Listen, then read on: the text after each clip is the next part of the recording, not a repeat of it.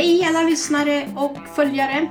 Nu är det Varför Spanien? Podcast med Kristina Berardi igen. Välkomna!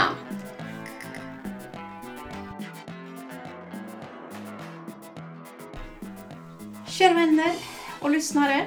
Idag tänkte jag ha temat om hur det är att vara president i en urbanisation i Spanien.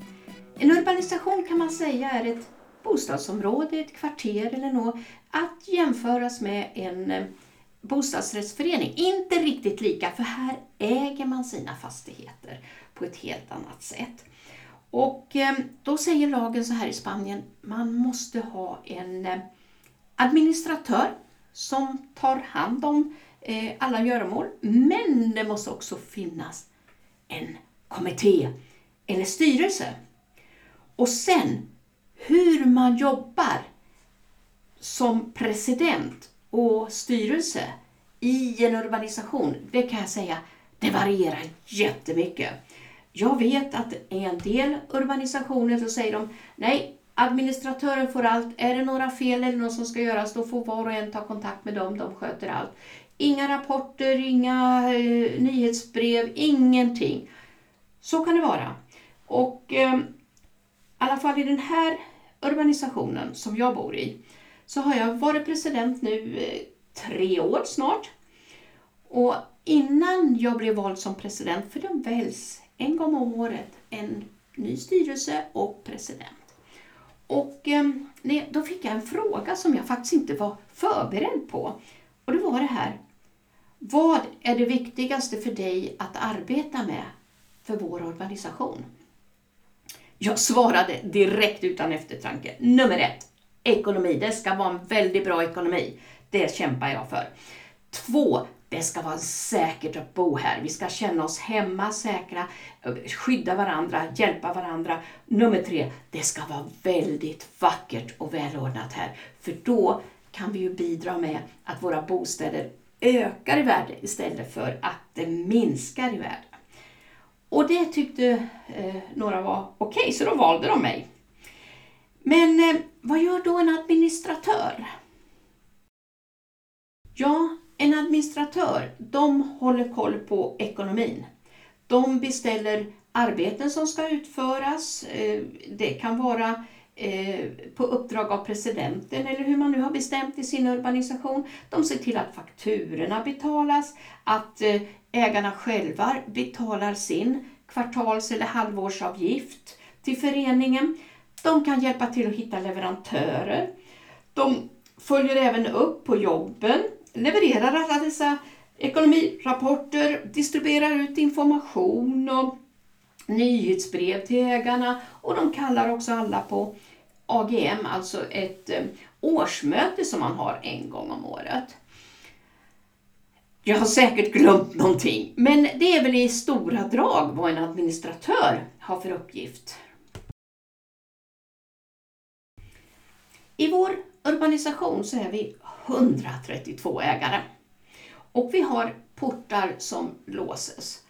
Eh, så man kan säga att det är lite av, det är inte riktigt sån där gated community som man talar om i USA och det finns säkert här med där man måste ha portkod, man åker in och det är lite vakter och något sånt där. Det har vi inte. Eh, I alla fall, för oss 132 ägare så har vi en eh, jättestor pool med en inbyggd jacuzzi. Nu på vintern då har vi inte jacuzzin igång Eh, för det är så få som badar. Det drar ju lite el när bubblorna ska till. Va? Eh, och sen har vi en fristående jacuzzi. Och inom det här området där vi har poolen, där har vi då gräsmatta som klipps regelbundet. Vi har också flera träd. Vi har ett jättestort gammalt olivträd. Vi har palmer eh, med dadd dadlar, vi har bananplanter och vi har den här papegojblomman. Sen har vi flera rabatter med lite småplantor med blommor som blommar vid olika årstider. Förutom poolområdet, där har vi också port för att gå in. Så man måste ha nyckel för att gå in. Förutom det så har vi ett hus som innehåller två plan. I markplanet har vi en social club som vi kallar det. Och där har vi lite bord, stolar, soffor, vi har någon TV, det finns någon öppen spis där med någon kassett i som jag inte vet om det används någon gång. Och vi har toaletter, vi har som ett litet kök med kylskåp och mikrovågsugn och så vidare. Eh, där kan vi ha våra privata fester om vi vill. Och eh, ibland så har vi gemensamma eh, sådana här urbanisationsfester eh, Eh, så vi kan träffas inom och utomhus och ha trevligt tillsammans. I bottenvåningen på det här huset så har vi ett gym. Och i gymmet så har vi förutom ett bordtennisbord, det glömde jag faktiskt säga. Vi har ett bordtennisbord utomhus, utanför Sushi Club också. Men där nere i gymmet har vi ett bordtennisbord och vi har såna här cross-trainers, vi har roddmaskiner, vi har cyklar, vi har hantlar, vi har alla möjliga grejer här nere för att vi ska kunna träna om vi vill. Och eh, vi har eh, toaletter, vi har duschar och vi har en bastu också. Så att jag skulle vilja säga, vi får väldigt mycket eh, för, för, för, som, som ägare här i vår urbanisation för den avgiften vi betalar. Avgiften, den är ju olika beroende på hur stor yta man har och sådär.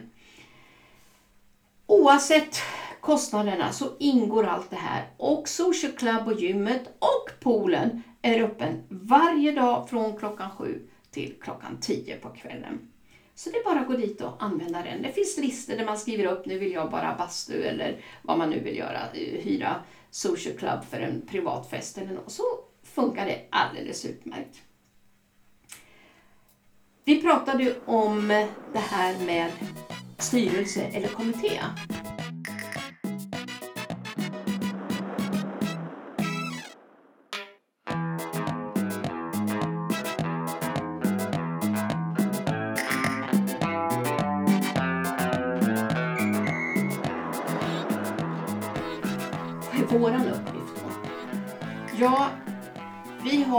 Som president, vi har en som är ekonomiansvarig och så har vi en till som brukar eh, ansvara för lite större investeringar, titta på teknisk utrustning, vad är billigaste, bästa, snabbaste alternativet beroende på den situation vi befinner oss i. Och det räcker med tre personer för en urbanisation på eh, vår storlek 132. Eh, och jag ser ju att vår uppgift är ju att föra fram ägarnas talan och önskemål. Och det låter väl enkelt, eller hur? Men vad innebär det då rent praktiskt? Som jag sa innan, ambitionsnivån varierar ju väldigt mycket mellan olika urbanisationer. Eh, som sagt var, lagen kräver att det ska finnas eh, ägare som håller i det här och är aktiva, men man behöver inte vara aktiv. Man kan bara överlåta det här. Och eh, vem som helst kan anmäla fel och brister och se till att eh, åtgärdas och, och så. Eh, vi har sagt så här, för att vi ska hålla koll på ekonomin och på att jobben verkligen utförs och att de är utförda till full belåtenhet innan vi betalar fakturan. Och Det här kan ju ibland ta lite tid. Från det du beställer ett jobb till det blir utfört och till du får en faktura. Och eh, alla fakturer attesteras efter uppföljningen. Och vår ekonomiansvarig kan jag säga har koll på varenda liten cent här. Va?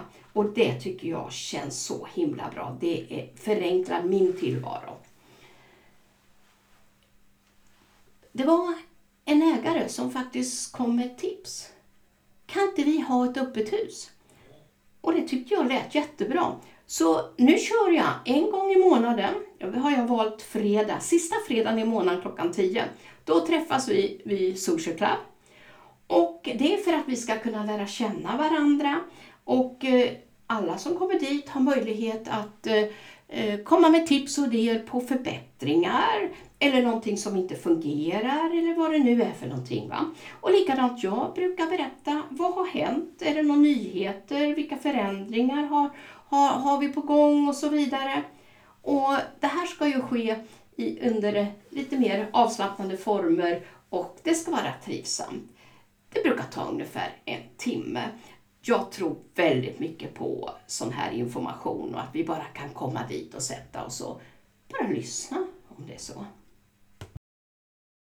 jag, jag brukar också skriva ett nyhetsbrev och det gör jag ungefär en gång i kvartalet och då berättar jag precis vad det är som har hänt, vad vi har gjort sedan sist och ehm, eh, inte bara om vår urbanisation. Jag kan också skriva och berätta om det händer någonting nytt här i vår omgivning. För det händer ju saker. Man eh, river hus, man bygger nytt, det blir nya vägar, man asfalterar, nya affärer, nya restauranger öppnar och så vidare. Och det är alltid intressant när man sitter någon annanstans långt härifrån, kanske höra oj, har de gjort det? Äntligen! och så vidare. Självklart har vi alltid ekonomin med på, eh, i nyhetsbrevet. Eh, så vi har en bilaga där alla siffrorna presenteras. Men vi har också kommentarer så vi kan skriva exakt vad var det som kostade extra mycket eller varför gjordes inte det eller var ska sådär.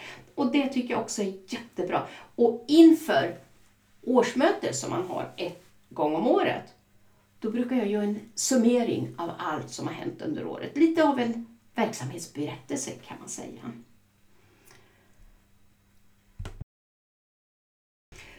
Ja, jag nämnde ju det här med årsmöte som heter AGM, Annual General Meetings.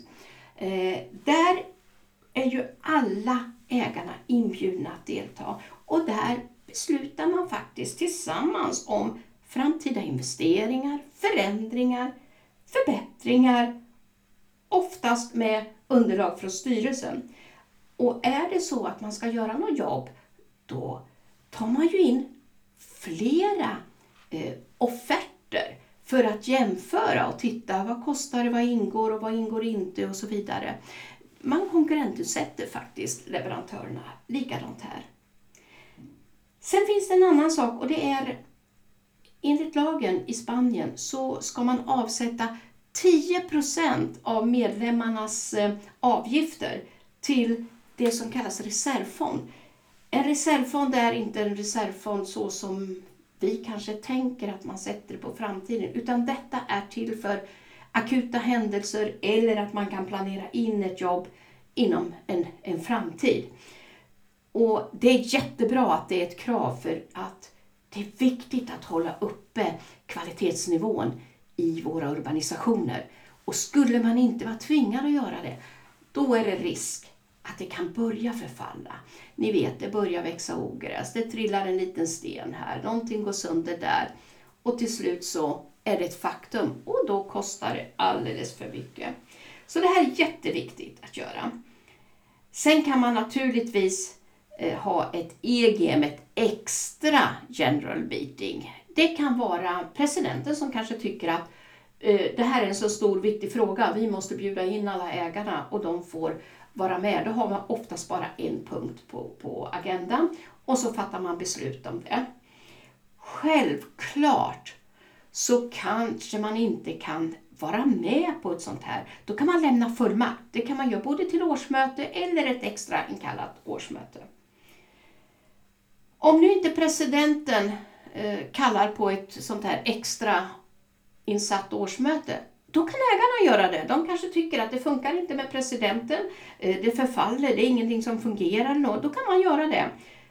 Det enda kravet är att man har 25 procent av, av ägarna, eller rättare sagt det styrs av en speciell ägarkoefficient, så att det ska vara 25 procent av den. Så kan man göra det.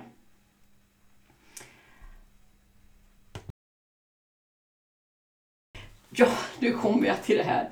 Hur kan då en vanlig eller en ovanlig dag se ut här när man är president? Ja, det är klart. Vissa dagar då har man fullt upp och vissa dagar eh, finns det nästan ingenting. Generellt kan jag säga att på sommaren då kommer det väldigt mycket folk. För det är en del ägare som hyr ut och då är det väldigt mycket turister och då kan det köra ihop sig eh, med olika saker som man måste ta hand om man till exempel har regler för vad man inte får ha i poolen. Och sådana här saker. Man får inte ha glasflaskor i poolområdet eller på våra plattor och sånt där. Och inte spela boll. Och det gör ju folk då naturligtvis. Och då är det frågan om vem ska gå och prata med dem om det. Ja, så här kan det vara ibland att någon ägare säger du, jag såg här att de där lamporna lyser inte eller nu fungerar inte dörren att öppna eller stänga eller vad det nu kan vara för någonting och då kommer de till mig. Och då gör jag en anmälan in i ett system som vår administratör har. Och sen så följer jag upp på det här jobbet som jag sa tidigare och när det är klart då tittar vi på, ja ah, nu har fakturan kommit. Och det har faktiskt hänt att vi har fått ett jobb utfört och sen har jag reagerat på kostnaden när fakturan har kommit. Och jag har sagt aldrig i livet att jag betalar så där mycket. Där får vi gå tillbaka. Det kan inte vara maxi så. Och vi har faktiskt fått rätt. Och det är en av anledningarna också till att vi har koll på vilka fel vi har, vad vi gör och hur mycket det kostar. Så att det inte bara drar iväg de här kostnaderna. Eh, uppskäll, som jag sa, det är jätteviktigt det här med uppföljning. En gång kan jag säga att eh, vi skulle, det var ett handtag på en av toaletterna här i Social Club. Som inte, det fungerade inte, man kunde bli inlåst och gick inte att öppna helt enkelt. Så jag sa, kan ni komma och byta handtag? Ja, då skulle de skicka en offert. Okej, okay, tänkte jag. Ja, den var ju på någonting på 300 plus euro. Jag tänkte, vad i hela friden? Kalla hit den här leverantören för att prata med honom, sa jag. Och då sa jag så här, hur kan det kosta så mycket? Som över 300 euro för att byta ett handtag. I Sverige köper du ni vet sån här jail-lås, elektroniskt lås som du öppnar med en kod eller du öppnar med en app installerat och klart kopplat till larmet. Det kostar inte mer än 180 euro. Hur kan det då kosta att, att uh, byta ett handtag på en toalett så mycket? Ja, då säger han så här, hör och öppna. Ja, vi tänkte byta hela dörren. Och ska du byta hela dörren när, när handtaget inte fungerar, fungerar. Ja, så bytte han ju handtag sen då och jag tror det kostade ja, 25 euro eller mindre. Så det är jätteviktigt att man följer upp de här sakerna. Det var bara ett exempel. Jag har massor av andra. Men jag tänker inte tråka ut er med dem. Sen är det ju så här, det finns en hel del elfel som uppträder naturligtvis. En del kräver större utredningar och reparationer och det kan ta lite längre tid än man förväntar sig. Självklart har vi en som sköter trädgården. De klipper cypresshäckar, de ansar växterna, de eh, klipper gräset naturligtvis. De håller rent i våra gångar och, och, runt urbanisationen på utsidan på trottoarerna. Och det är också väldigt viktigt. För det är inget sämre än att se ogräs växa utanför urbanisationen. Det ser inget bra ut tycker jag. En gång hände det faktiskt en lustig sak. Vattenbolaget ringde på min dörr och säger så här, det verkar som en av ägarna här inte finns här men har en enormt hög vattenförbrukning. Oj, då gick vi ut och stängde av kranen, vattenkranen naturligtvis, så att det, det, det, det inte skulle kosta alldeles för mycket för dem. Och eh, självklart kontaktar man ägarna därefter. Det är jätteviktigt att ägarna känner sig trygga ifall det skulle hända någonting här. Det händer väl ibland att någon vatten, varmvattenberedare går sönder eller man har något vattenläckage, då kommer de till mig. Och ofta så är ju svaret, gå till ditt försäkringsbolag. Eller gå direkt till, till eh, rörmokaren och gör det, du kan si och så, då får man ju guida dem till det. Och då brukar jag vara tydlig med, jag tar ingen commission. Jag bara rekommenderar den som andra har rekommenderat till mig och jag har provat och de har fungerat bra. Så det är jätteviktigt att man gör så här. Jag skulle också vilja säga att tack vare presidentuppdraget så har jag faktiskt etablerat många leverantörskontakter. Även med kriminalarna här.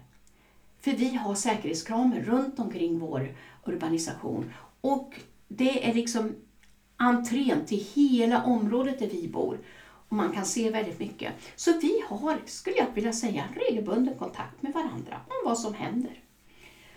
Och sen har ju naturligtvis min spanska blivit bättre. Och jag vet, inte, jag vet själv vad som ska göras när någonting händer idag. I början visste jag inte det. Nu vet jag var alla nycklarna går, vad som ska göras, vem man ringer, i vilken ordning och allt sånt där. Så jag har ju lärt mig väldigt bra. Och jag skulle också vilja säga, det här kanske låter tråkigt och dumt, men att vara president i en organisation, ibland kräver det en närvaro här och nu. Att man har någon i organisationen som bor här permanent. Men inget hinder när man har olika funktioner. Som till exempel ekonomiansvarig, du kan vara driftsansvarig för någonting, investeringar eller någonting. Det går alldeles utmärkt att sköta även hemifrån. Ja, kära lyssnare, vänner och följare. Det kanske var väldigt mycket om hur det är i organisationen. Jag har som sagt var många, många exempel på saker eh, som är lite roliga, ledsamma, kuriosa. Men det får vi ta en annan gång. Och jag vill passa på att tacka dig som lyssnar på oss här i Soundcloud, Spotify, iTunes, Podcaster, Podtoppen, Podtail, Facebook och vad finns det mer? Pod Paradise finns också. Ha det så bra alla kära vänner där ute så hörs vi nästa fredag igen.